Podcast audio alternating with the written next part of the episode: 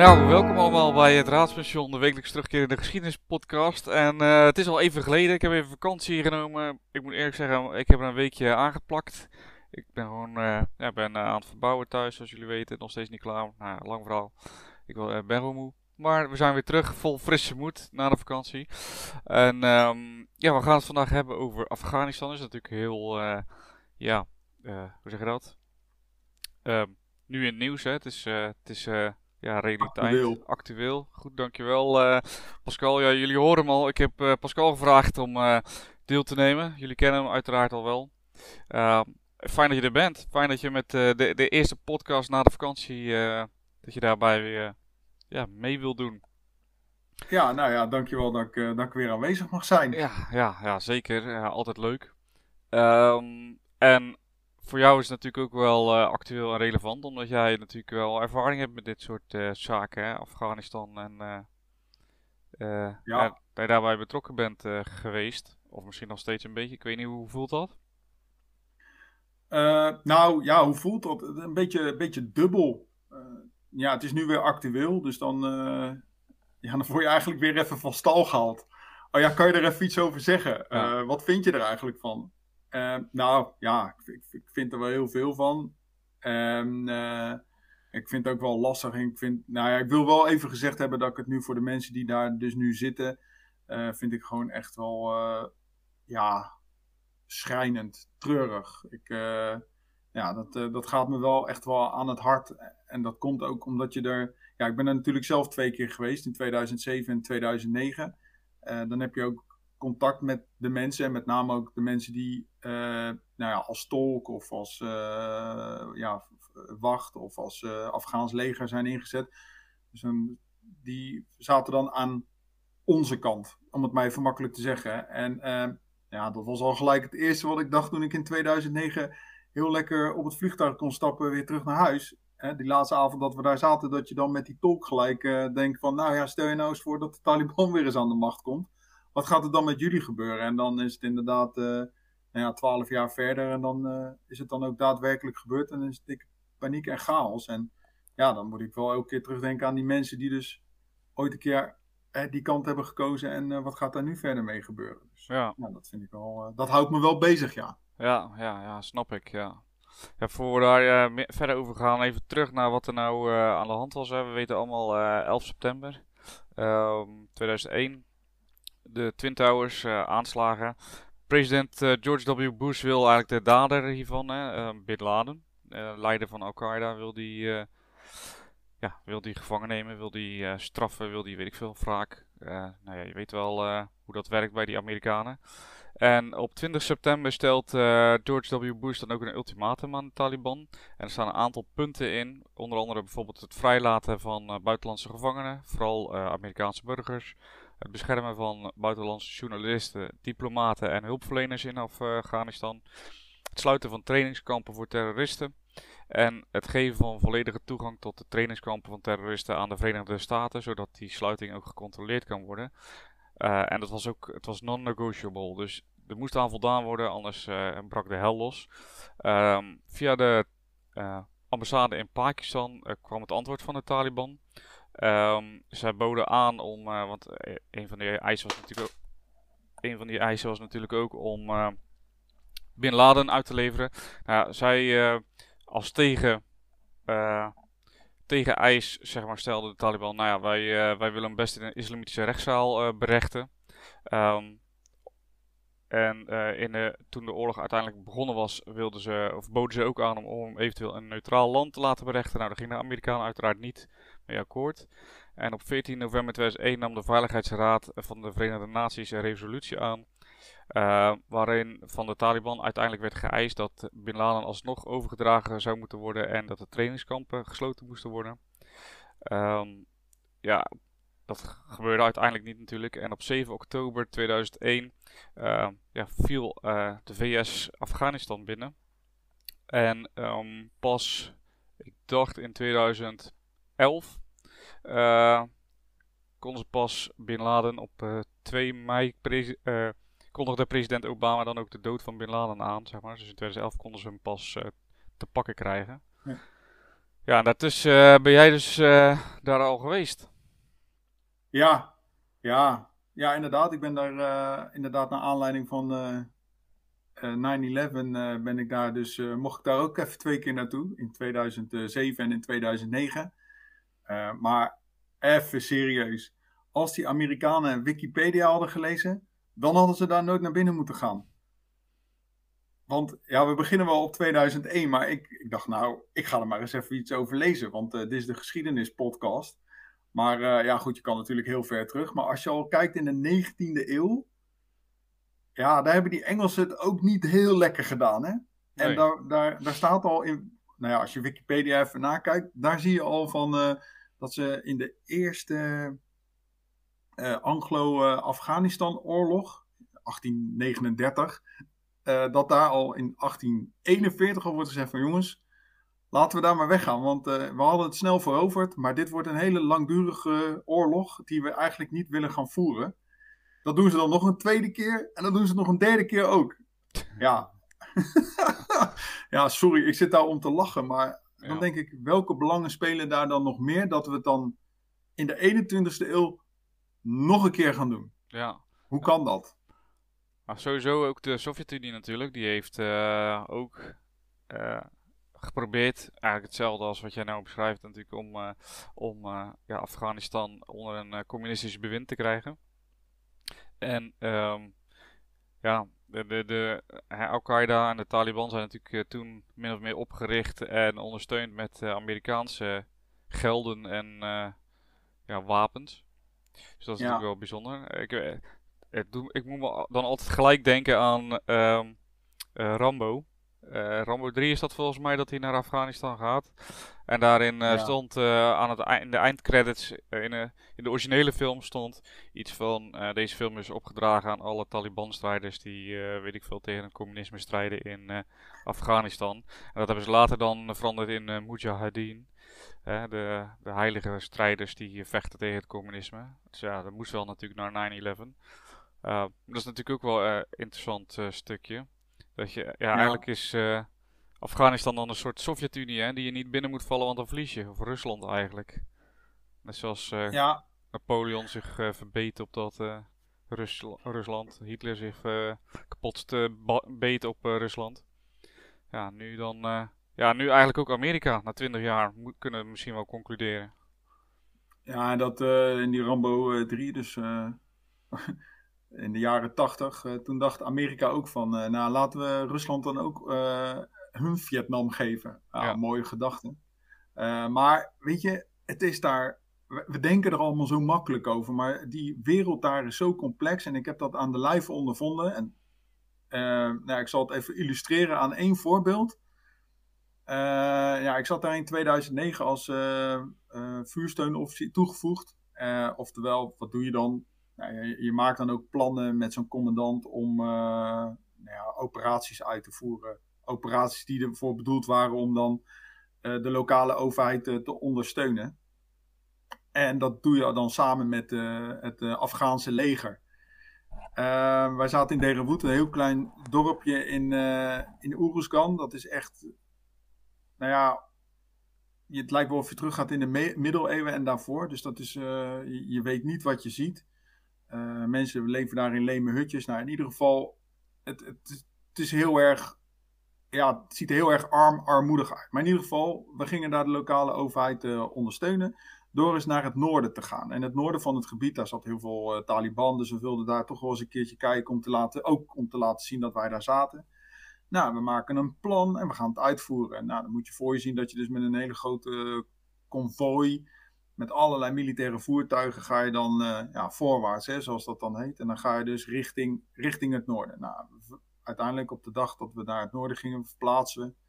Nou, en de tactiek van de Taliban was dan om uh, bermbommen in te graven. Om zo voertuigen uit te kunnen schakelen. Want ja, in een één op één gevecht tussen ons en uh, hen, ja, dat, zou, dat verliezen ze natuurlijk omdat wij veel geavanceerde wapens hadden. Maar die bermbommen, ja, dat was goedkoop. En heel erg effectief, want ja, zo'n bom heb je voor, uh, ik denk nog voor, voor geen 100 dollar heb je hem in elkaar gemeubeld. En ik denk dat ik nog duur ben. En dan kan je gewoon een, eh, een voertuig van, uh, nou ja, hoe duur zijn de voertuigen? Ik denk dat die wel echt, nou ja, gemiddeld voertuig, een MB'tje of een tank, is wel iets duurder. Dus het was heel effectief. Maar ja, we rijden naar het noorden en uh, ja hoor, de eerste find, oftewel de eerste bom, was al gevonden. Nou, dan, sta je, dan staat het hele konvooi staat stil. Je moet een beveiliging in orde maken. Uh, nou ja, je, denkt, je bent bang dat je wordt aangevallen, dus je staat stil. Die bom moet onschadelijk worden gemaakt en dat lukte dan ook wel. Maar in ieder geval, het hele momentum of de hele voortgang van die patrouille was er al helemaal uit. En dan rij je op de tweede, en rij je op de derde. En allemaal fijn, hè? dus er allemaal nog niks aan de hand. Op een gegeven moment uh, waren het geen bermbommen meer, maar hadden ze gewoon metaal in de grond gegooid. Ja, dan gaat die, uh, ja, die, die, die genist die dan voorwaarts loopt, ja, die denkt, hé, hey, daar ligt metaal in de grond, dus uh, dan moet je ervan uitgaan dat het een bom is. Dus die hele operatie die liep helemaal in het honderd. En op een gegeven moment zeiden we ook van ja, jongens, stoppen maar. Uh, omkeren en uh, we gaan wel terug. Want ja, dit is geen doen zo. dat je een hele ochtend bezig bent om drie kilometer te verplaatsen. Echt een week later zou het Afghaans leger zelf eens naar boven gaan. Dus zelf naar het noorden gaan. En tot onze grote verbazing dat Afghaanse leger dat kon helemaal doorrijden tot horizontaal 33. En horizontaal 33 is dan zo'n kaartlijn op de, op de kaart, dat voor ons het uiterste noorden was uh, van ons gebied. En ze konden zo doorrijden. Hop. bleven daar even. Uh, nou, bleven daar een dag up en gingen weer terug. En er was helemaal niks aan de hand. Ja, wat bleek dus achteraf? Is dus dat het Afghaanse leger contact had met de Taliban en de lokale warlords. En die hadden gewoon afgesproken voor jongens uh, wij komen op uh, dag X komen wij even naar boven. Dan blijven we daar even en dan gaan we weer terug. Willen jullie ons niks doen? Of doe even niks en dan gaan wij ook weer terug. Ja, dat is niet voor te stellen. Dus dan denk je, hoe kan dat nou? Wij kunnen niet eens omhoog. Zij maken afspraken. Dus die hele wereld is zo fucking grijs. In dit geval grauw. Dat, ehm, ja, zij hebben dus gewoon contacten met elkaar. Dus waar wij denken van, ja, wij zijn echt de vijand ja, is dat ook niet helemaal zo. Het is een beetje afspraken, een beetje marchanderen. Uh, ja, dat was, volgens mij illustreert dat gewoon hoe die verhoudingen allemaal liggen. dat wij denken, dit is goed, dit is fout. Nee, het is allemaal een beetje grijs. Maken afspraken met elkaar en uh, ja, dan, zien we, dan zien we wel weer verder. Dat was voor mij echt wel uh, heel kenmerkend. Ja, precies. Want ja, dat is eigenlijk, denk ik waar natuurlijk ook uh, in Irak op stuk gelopen is toen de tijd. Hè, dat uh, Amerika even binnenkwam vallen en dacht ik, we komen democratie brengen. Maar dat die structuur daar, die bevolkingsstructuur, die uh, hiërarchie en ja, eigenlijk wat jij zegt, die warlords zeg maar, die, die krijgsheren, dat, dat, ligt gewoon heel anders in het, dat stuk van het Midden-Oosten. Ja, en dat is iets wat wij gewoon niet, het, wat, dat begrijpen wij gewoon niet. Het is echt iets die cultuur en die verhoudingen. En uh, ja, weet je, ik bedoel, het is best wel hotain van de westerse wereld om te denken van, uh, nou weet je, daar komen wij wel even de trias politica brengen en dan gaan wij het wel even regelen en dan is het vrijheid voor iedereen. Ja, jongens, uh, ja, ik weet niet met welke. Als je daar nu toch wat meer over gaat teruglezen, dan denk ik van, nou, hoe heb je dat in godsnaam onder die noemer kunnen verkopen om daar de democratie te gaan brengen? Want ja, het is aan de ene kant heel erg nobel. En ik snap ook wel dat voor iedereen gelijkheid. En, maar als je met zo'n tribale structuur en waarin iedereen nog autarkisch leeft. Hoe, hoe denk jij dan even binnen vier jaar jouw westerse normen en waarden te kunnen, uh, kunnen inbrengen? Terwijl zij ook nog heel sceptisch staan tegenover onze westerse normen en waarden. Ja, daar kun je ook een discussie over voeren. Ja, want uh, dat is natuurlijk ook wat uh, Biden uh, uiteindelijk nu zegt. Hè. We zijn daar nooit heen gegaan om een stabiele democratie neer te zetten of zo. ja, ik weet niet hoe dat voelt voor jou. Ik, had, ik, had een beetje, ik, ik was een beetje verbaasd eigenlijk. want ik dacht, wat, wat, wat heb je dan geprobeerd de afgelopen twintig jaar? Ja, nou ja, dat is inderdaad een goede vraag. Maar dit, dit is ook het lastige tussen het militair zijn en het, en het mens zijn. En natuurlijk ben je als militair ook mens. Maar uh, ik werk voor TV West en voor uh, Radio Televisie Utrecht werd ook gevraagd om dan je mening, of in je mening te geven. Of hoe heb je dan ervaren? Wat heb je daar gedaan? Was het voor niets? Ja, en dan. Um, kijk, weet je wat het is? Als militair word je opgeleid voor een bepaalde taak. En in dat, uh, dat gegeven zorgt ervoor dat je dus een bepaalde taak moet uitvoeren. Uiteindelijk is de politiek die beslist of jij daar naartoe gaat. Nou, die hebben uiteindelijk besloten om daar naartoe te gaan en heb je een taak. Kijk, mijn taak als vuursteun onderofficier, waarnemer laseroperator, was dus dat ik in voorkomend geval tijdens een operatie daar ja, nou ja, geweld zou kunnen gebruiken om de eenheden die onder jouw bescherming staan te kunnen verdedigen. Nou, dat is jouw taak. Daar word je ook voor opgeleid. Daar, hè, als mensen ook altijd aan je vragen: van, wat doe jij uh, in Nederland? Ja, dat is oefenen om uiteindelijk zo'n taak te kunnen uitvoeren. Er wordt niet van jou verwacht dat je gaat nadenken over: ja, wat is de politieke keuze om dat te doen? Weet je, het gaat helemaal niet om dat jij daar democratie kon brengen. Nee, dat maakt helemaal niet uit. Dat heeft de politiek al voor jou besloten. Jij bent een instrument van de politiek. En je kan dus door middel van uh, uh, geweld. ja, kan jij dus en ik zeg niet dat geweld het middel is, hè, maar uiteindelijk uh, kon het daar niet anders. Dus het ultieme middel om je doelen te bereiken. En als dat dus het doel is om de lokale overheid te ondersteunen, ja, dan doe je dat. Ja, ik heb ook wel eens op een uh, heuvel gezeten, drie dagen lang, dat ik dacht van, ja, Jezus Christus, wat doe ik hier in godsnaam? Ja, dan wil je ook naar huis, dan ben je er ook klaar mee. Hè? Dan zie je dat het ook niet echt, ja, nou ja dat, maar dat zijn persoonlijke gedachten maar uiteindelijk wordt er wel van jou verwacht: hé, hey, luister, jij, bent, uh, jij moet je taken uitvoeren. Je krijgt een, de, de opdracht is dit. En dat doe je naar, dat doe je naar behoren. Ja, hebben we er iets mee bereikt? Vind ik lastig te zeggen. Hè, ik zei net ook al: uh, het rommelt daar al vanaf de 19e eeuw. Dus noem het de Graveyard of uh, Empires. Ja, jongens. Ja, dat is ook niet voor niks. Maar ja, die hebben ook allemaal een groter belang gehad. Ja, de tijd zal het leren. Ik denk niet dat ik het ga meemaken. Nee. Dat het daar een hele, zeg maar, democratische westerse staat gaat worden. En misschien wordt het dat wel nooit. Nee. Maar goed, ik heb daar uh, mijn taken uitgevoerd. Ja, precies. Maar en als we uitzoomen, als we nu uitzoomen, zeg maar, uh, net hebben we het ook al over de grotere belangen hè, vanaf de 19e of de 18e eeuw, misschien zelfs al. Uh, ja, is, rommelt het daar. Maar als we uitzoomen en we kijken nu naar hoe eh, Amerika het aangepakt. Ik, ik kan me niet aan de indruk onttrekken dat we daar niet heen zijn gegaan om, uh, ja, om eh, twintig jaar lang een beetje de Taliban af te houden en dan nu in één keer alles weer terug te geven, toch? Ik bedoel, dat was volgens mij niet de bedoeling. of ben, ik dan te, ben ik dan te rechtlijnig en te zwart-wit? Ja, ik weet niet. er, er, speelt gewoon veel meer dan alleen maar dan die Taliban. Ik denk dat het ook gewoon gaat om grondstoffen die daar. Uh, nee, ik zeg niet dat ze daar voor het opgrapen liggen, maar die zitten daar. Klaarblijkelijk zit daar nog wel het een en ander in de grond.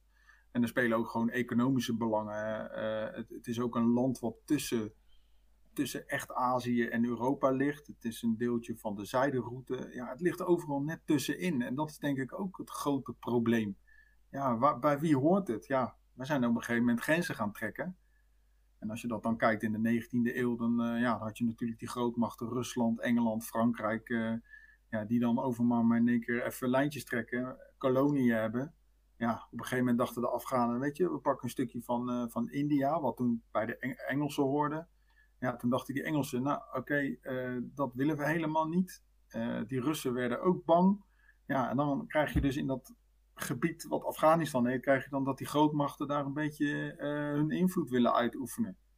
Ja, mensen zitten daar denk ik zelf ook helemaal niet op te wachten. Nee, nee. Dat, dat lijkt, maar het is, het is meer dan alleen maar cultuur en geloof. En er spelen ook gewoon economische belangen. Dat, dat, absoluut, want wat heb je daar anders te zoeken? Ja, ja, dat, ja want uiteindelijk... Uh, ik weet even niet uit mijn hoofd of dat uh, Bin Laden daar gevonden is. Ook echt in... Uh, in, uh, in Afghanistan. Volgens mij uh, niet, maar. Ja, ik denk dat, dat het grote probleem is gewoon dat we in de 19e eeuw zijn we allemaal lijnen gaan trekken. En we, zeg ik, de, de, de, de Fransen, de Engelsen. Uh, en die zijn in één keer overal landen van gaan maken. Waarom? Omdat ze daar zelf ook uiteindelijk allemaal beter van werden. Maar als je naar Afghanistan kijkt, dat bestaat uit zoveel verschillende uh, uh, stammen en families en clans. Ja, en jij gaat in één keer ergens een lijntje omheen trekken. En in één keer, oh, uh, ja, jullie zijn nu Afghanistan. Ja, dat is mooi. Maar dan heb je familie de, de Doranis, en dan heb je de Barakzais, en dan heb je de Poppelzais en de Harari. En ja, jullie zijn in één keer één land. Oké, we gaan een koninkje er neerzetten. ja, die heel loyaal is dan bijvoorbeeld naar de Russen of naar de Engelsen. Of ze zijn er nog niet uit. Ze gaan weer oorlog met elkaar voeren. Ja, ja jongens, zolang je nog... Ja, ik, ik heb het idee dat zeg maar dat hele land wat ze ervan hebben gemaakt, dat dat niet past in, in die cultuur. Ja, wat moet je dan anders hebben? Ja. Waarom zou het uh, dan de Taliban bijvoorbeeld wel lukken om dat land, zeg maar... Nee, lukt het ook niet. Nee? Nee, lukt het ook niet. Nou, maar goed, kijk wat zij hebben. Zij hebben een ideologie. Zij hebben iets wat, wat, wat met elkaar verbindt. En dat is dus geloof en een overtuiging.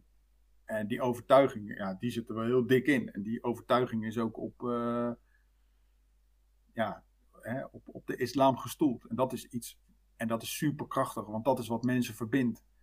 We hebben helemaal niks, maar we geloven wel in één en hetzelfde. Daar zitten ook wel verschillen in hoor, dus het, is, ligt ook wel wat genuanceerder als dat ik het nu zeg. Maar uiteindelijk, uh, ja, die ideologie, ja, die zit er wel goed ingeramd. Ja. En, en dan op hun beurt hebben de, de lokale bevolking, net zoals die, uh, die Pashto Pashtun, Pashtun, die hebben ook nog hun uh, ja, soort van overtuigingen, de Pashtunwali. Dus op ook hoe je met elkaar omgaat.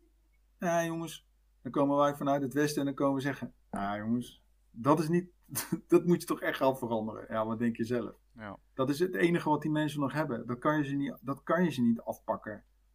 En als zou je het willen afpakken, dan, dan moet je het zo veranderen. Nou, er heeft ooit een keer iemand tegen mij gezegd: nou, mensen willen best veranderen, maar niet veranderd worden. Ja, dan kan je dat nooit uh, binnen een paar jaar doen. Nee, precies. Nee, nee, nee. En uh, ja. Ja, het, ja, bijzonder vind het toch altijd bijzonder om. ja, uh, ja het is toch uh, bijzonder hoe, hoe, dat er gewoon elke keer diezelfde fout wordt gemaakt. Uh, in ieder geval de laatste nou, 100, 200 jaar, zeg maar, elke keer diezelfde fout wordt gemaakt. Dat het dus bijzonder is dat de afgelopen 100, 200 jaar dat steeds diezelfde fout wordt gemaakt door, door, grote, ja. door grote westerse machten. En ja, weet je, het is natuurlijk allemaal dat, dat die politiek van, uh, van invloed bij uitoefenen, wat we natuurlijk ook in de, in de Koude Oorlog zagen. Hè, dat, uh, dat, we, dat Amerika zoveel mogelijk mm, ja, invloed wilde uitoefenen op de wereld en uh, Rusland. Hè, met, omdat nou ja, in Afghanistan is er ook gewoon die hele Koude Oorlog even in één keer uitgevoerd. Ja. Weet je wel, via andere landen. Maar ja, dat is in Vietnam ook gebeurd. En ja, ik vind het gewoon te waanzinnig dat jij gewoon zegt van joh, dat heb ik in de documentaire gezien, dat er zo'n CIA-agent zegt van, ja jongens, hup, die gasten bewapenen. We geven, we, geven die af, we geven de Russen hun eigen Vietnam. En dan gewoon maximaal sponsoren. En dan rust je die, uh, ja, die lui rust je uit met, uh, met wapens. En met, uh, al, ja, weet je, op een gegeven moment komt dan die Mi-24, die Hint, die helikopter. Nou, die maakt gewoon gehakt van die Mujahideen. En dan zeggen ze in Amerika, nou, we hebben zo'n fantastisch wapen. Hup, geef die gasten maar stingers. Hoppakee, hup, manpads mijn portable air defense system en knallen met die handel. Dus die, ja, die Russen gaan helemaal naar de kloten daar. Ja. ja. Maar ja, op een gegeven moment zei hij, joh, die hele oorlog kostte wel uh, in totaal een miljard of zo, een paar miljard. maar hij zegt, ja, dat kostte gewoon die hele bezetting van Afghanistan door de Amerikanen per maand. Hij zegt dus eigenlijk waren we best wel effectief. Maar ja, maar wat is je plan daarna, weet je wel? Ik bedoel, je die lui munitie, wapens, de hele, nou, de hele zandkraam geven om, om jouw probleem op te lossen. Ja, wat gebeurt er dan op de lange termijn? Weet je, ik bedoel, die mensen worden ook opgeleid om te vechten. Dus die hele uh, uh, ja, manier van denken, ja, we, dat kunnen we alleen maar vechtend oplossen. Dus ja, weet je, je creëert dus gewoon een soort monster die, ja, die je toch even een keertje terugpakt. Ja. Ik denk dat die Russen keihard hebben zitten lachen om 20 jaar aanwezigheid Amerikanen in Afghanistan. Want ja, uiteindelijk is daar weer precies hetzelfde gebeurd. Ja, ja, precies. En um, ja, ja, dat is het. Ja, goede samenvatting. ja, ja, het is ja ik, maar het is wel bijzonder dat ik er dan zelf deel van heb uitgemaakt. Weet je, ik stond dus aan die, aan die kant. Ja. En uh, maar ik dacht op het moment dat ik dus daar was, ja, dacht ik ook van ja, je, doet dan ook, je denkt ook het goede te doen. Heb je er spijt van? Nee, nee, nee, ik heb er geen spijt van. Nee, want uh, ja, dus zoals ik al zei, kijk, je, je hebt een taak en die voer je uit. Je wordt daarvoor opgeleid. En dan kan je natuurlijk zeggen, ja, nou, daar had je ook wel wat beter over na moeten denken. En dan had je misschien niet gegaan. Uh, maar aan de andere kant, op persoonlijke titel. Uh, en misschien is dat ook naïef.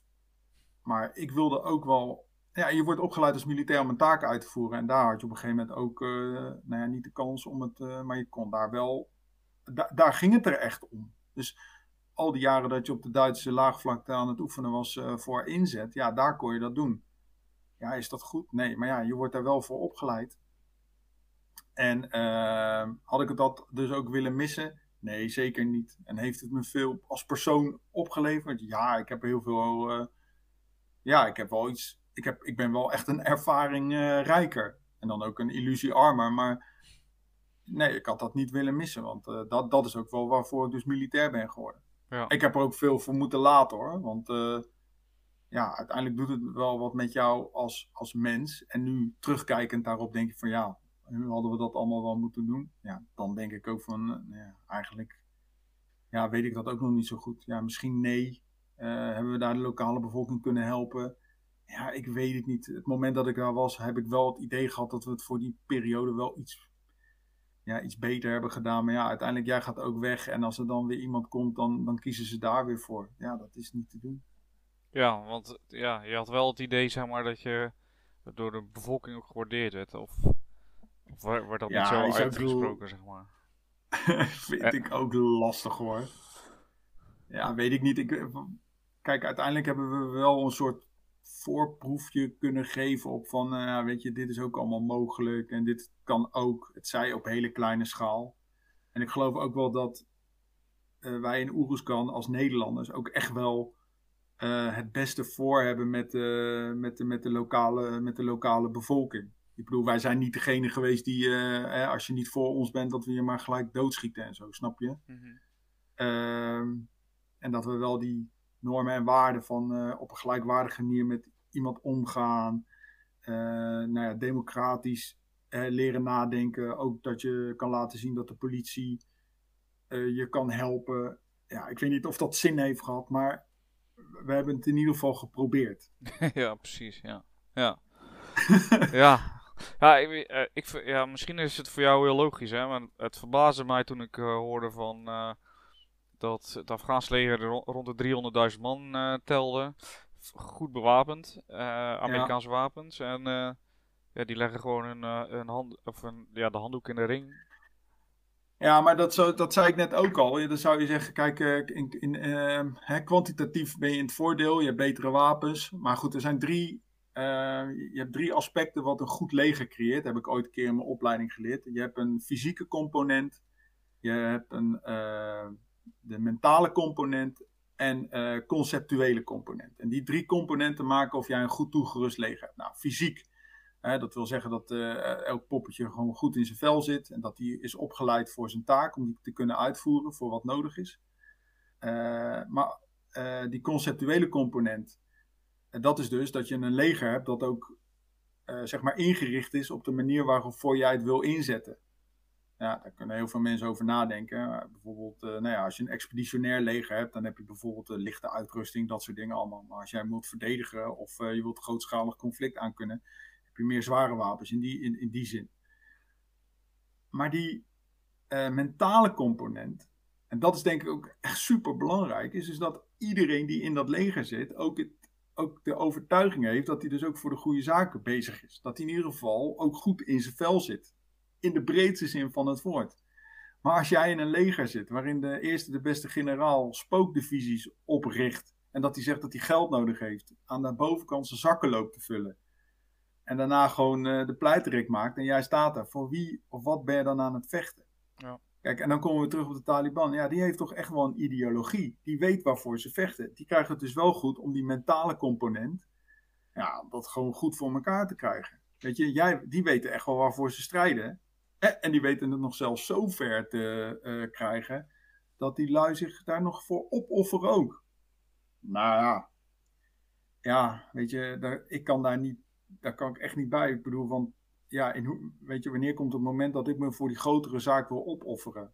Nou ja, dat komt, ik kom uit een westerse wereld waarin we wat, misschien wat individualistischer worden op, opgevoed. Ja, tot hoe ver gaat dat dan? Hè? wanneer ben ik bereid om me daarvoor op te offeren? Ja, zij krijgen het toch wel in grote mate voor elkaar. Ik denk dat je daar eens naar zou moeten kijken. Ja. Ja. en als dat leger denkt van ja, voor wie doe ik dat nou eigenlijk? Ik doe het voor Ghani, die, die president die zijn zakken loopt te vullen. Ja, pleur dan ga ik wel weg. Ja. Grappig is dat je wel ziet dat heel veel lui die wel die overtuiging hadden, nu allemaal naar die Panjshir-vallei zijn gegaan om daar gewoon door te strijden. Ik geloof ook wel dat er heel veel mensen zeiden van ja, hè, die westerse normen en waarden en die vrijheid die ik ooit geproefd heb, ja, daar, wil, daar ben ik wel bereid om voor te vechten. Ja, die verzamelen zich nu dan wel, lijkt het in die Panjshir-vallei. Dus ja, de Taliban heeft het nu ook nog niet opgelost hoor. Nee, nee, nee. Spannend. Wat, eh, Spannende tijden. wat de toekomst ons brengt, ja. Ja, de toekomst is natuurlijk de geschiedenis van... eh, de toekomst? Nee, ik weet niet. Slechte, slechte Ja, maar weet je, wel, wat, want wij kijken wel naar Afghanistan en dat het ook allemaal daar allemaal zo eh, allemaal in de middeleeuwen is. Maar kom even op, hè. Nou vangen wij dus inderdaad Afghaanse mensen vangen we op in de Harskamp. Nou, sorry hoor. Daar is toch precies hetzelfde. Daar hebben we toch ook mensen met een bepaalde ideologie die ook nog uit, uit de middeleeuwen is. Ja, ja, helemaal eens. Ik bedoel, eh, ja, plaatsvervangende schaamte, schaamte kijk je daar gewoon naar, toch? Als eh, ontwikkelde westerse... eh, Ja, wij zijn zelf ook nog helemaal niet zo. we, we denken dat we wel ontwikkeld zijn, maar we zijn, we zijn in principe net zo ver hoor. ja, Als Ja. je dat ziet. als je dat ziet, zeker, ja. Ja, ja. ja, ja net zoals ik zeg, plaatsvervangende schaamte hier gewoon te kijken naar, naar al die demonstraties en zo. Dan denk je, ja... Ja, ik, eh, ik ben dan nog heel erg van goed en eh, slecht, hè, wat jij ook eh, zegt. En dan denk je, ja, als zij ons geholpen hebben, hè, even in zij en ons denkend natuurlijk. Als zij ons geholpen hebben in die tijd, dan kunnen wij ze toch niet nu even door de Taliban laten onthoofden. dat, want ja, ze zeggen wel natuurlijk van, we gaan niks doen en tolken zijn veilig en weet ik het wat. Maar ja, ik, ik Ja. geloof het persoonlijk niet zo. Maar Nee, dat geloof ik. Ik geloof dat ook niet. eh, Nee, ik geloof, dat, ik geloof ook niet dat ze echt helemaal eh, veilig. In ieder geval, die. De Taliban wekt dan ook niet de indruk van. eh, nou ja, die clementie, weet je wel, laat die de mensen maar gewoon lekker gaan. Nee, ja, zij lost het toch op een andere manier op. Dus ja, je, ik vrees wel echt voor die mensen. Dat vind ik echt vind ik heel erg. Want uiteindelijk heb ik weet niet, ja, die mensen hebben denk ik ook niet voor ons gekozen, omdat dat dan beter was. Maar ja, er zijn wel mensen die ook wel verandering willen, weet je wel. Die, die zien ook wel dat eh, ja, die normen en waarden en die oude tradities, weet je wel, dat, dat is aan, verandering onderhevig. En misschien hebben zij wel ons als een kans gezien om, om die verbetering te bewerkstelligen. Ja, dan kies je onze kant.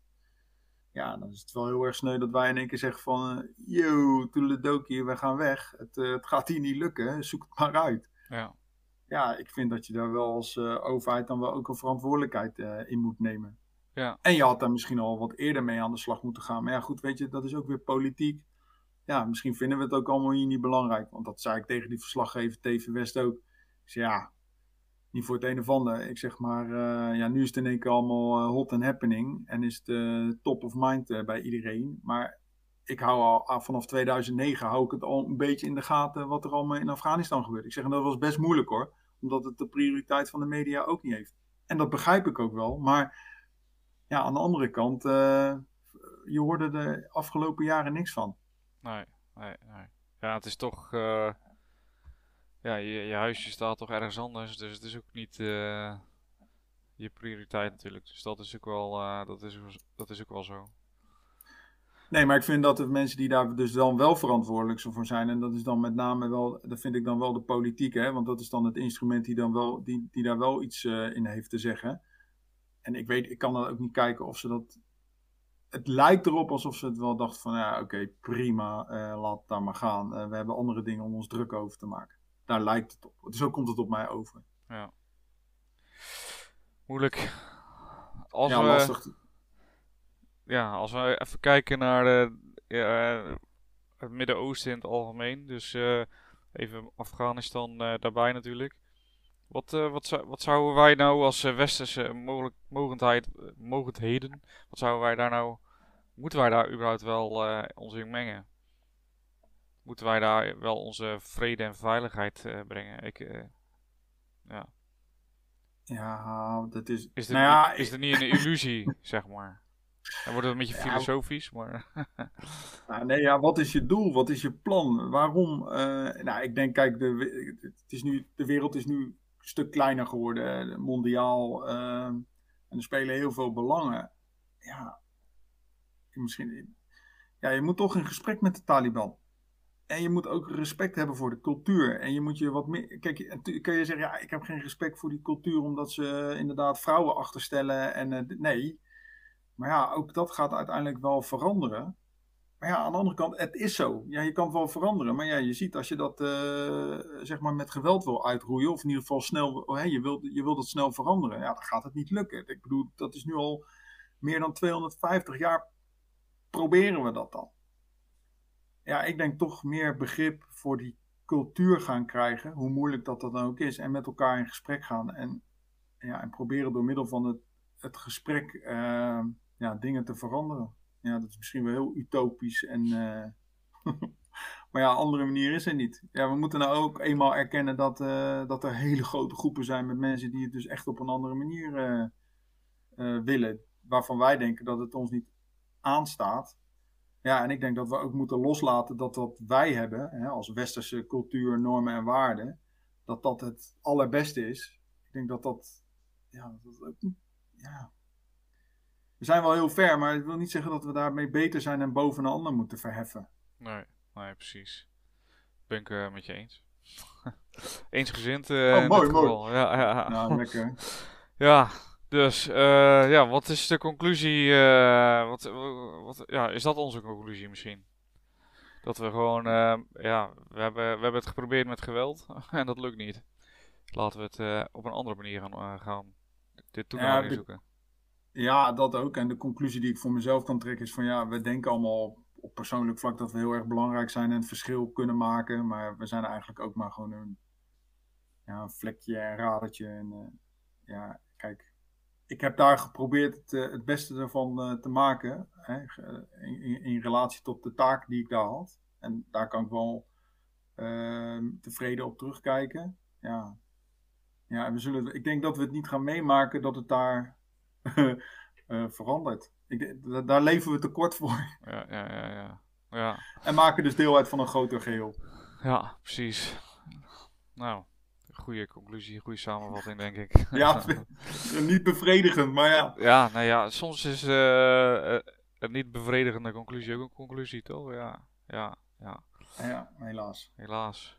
Hey, even iets maar blijf... Oh ja, oh, dat wil ik echt nog wel even bij zeggen, is dat ik het... Uh, kijk, we kunnen hier, wij, wij, wij, hebben het hier heel makkelijk over. Hè. Wij, wij hebben inderdaad, en dat is het mooie, dat we de vrijheid hebben om het hier gewoon over te kunnen hebben, zonder dat we daar worden afgerekend. En dat is het voordeel van hier wonen. En dat het daar dus inderdaad wel anders is. En dat op dit moment echt wel mensen ook hier wel voor moeten vechten. Ja. En uh, met gevaar voor eigen leven. En dat is wel iets waar ik echt super veel uh, respect voor heb. Dankjewel. Even iets anders. Formule 1 gekeken? Okay. Ja. ja, dat is de eerste keer dat ik een hele wedstrijd heb gekeken. Ja? Ja, ja, ja. Wat, wat vond je ervan? Nou, wat ik dan wel mooi vind om te zien uh, is dat dan, uh, dat zei die teambaas van Red Bull ook, hè, dat, uh, dat ze het nog nooit hadden meegemaakt. Dat, dat een heel land, of in ieder geval het hele publiek wat daar zat, dus ook voor één man is. Dat dat zo oranje gezind is.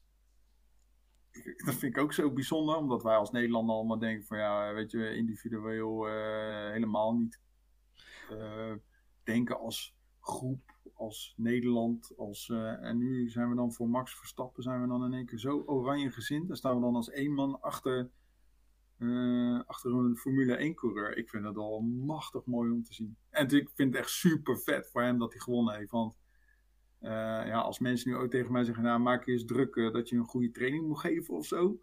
Dan denk ik, nou, dat komt wel goed. waar maak ik me druk over? De hele de druk die bij die jongen op zijn schouders lag om die race te winnen ja, die moet onmetelijk groot zijn geweest. En dat dan continu een topcoureur achter je zit uh, in de naam van Lewis Hamilton. Ja, respect hoor.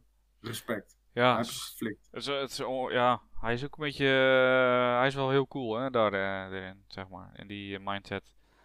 Dat hij gewoon dat hij zo rustig kan blijven. Heel, heel, als je in interviews kijkt, is hij altijd heel nuchter. Dus het zit toch ergens is er wel met je ingestampt.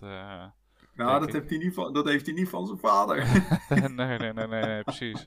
Misschien van zijn moeder dan, maar... eh, nee, maar, eh, maar dat is wel grappig dat je dat zegt, want dat is ook iets wat ik eh, toevallig gisteren met mijn eigen kinderen over had. Hè, dat je, ja, als, als Nederlanders zijn we toch... ik weet niet, als ik het vergelijk met Amerikanen of zo, die dan s'morgens het volkslied gaan zingen op scholen. Hè, wij zouden dat die reinste doc- indoctrinatie vinden. Maar als we dan met zo'n voetbalwedstrijd of met, nou ja, wat je zegt, hè, de Grand Prix gisteren dan moeten we dat op een of andere manier toch weer inhalen of zo, denk ik. En dan, eh, dan zijn we in één keer allemaal oranje en eh, ja, ja. één volk eh, achter, achter onze sporthelden, zeg maar. Dus dat vind ik wel grappig om te zien.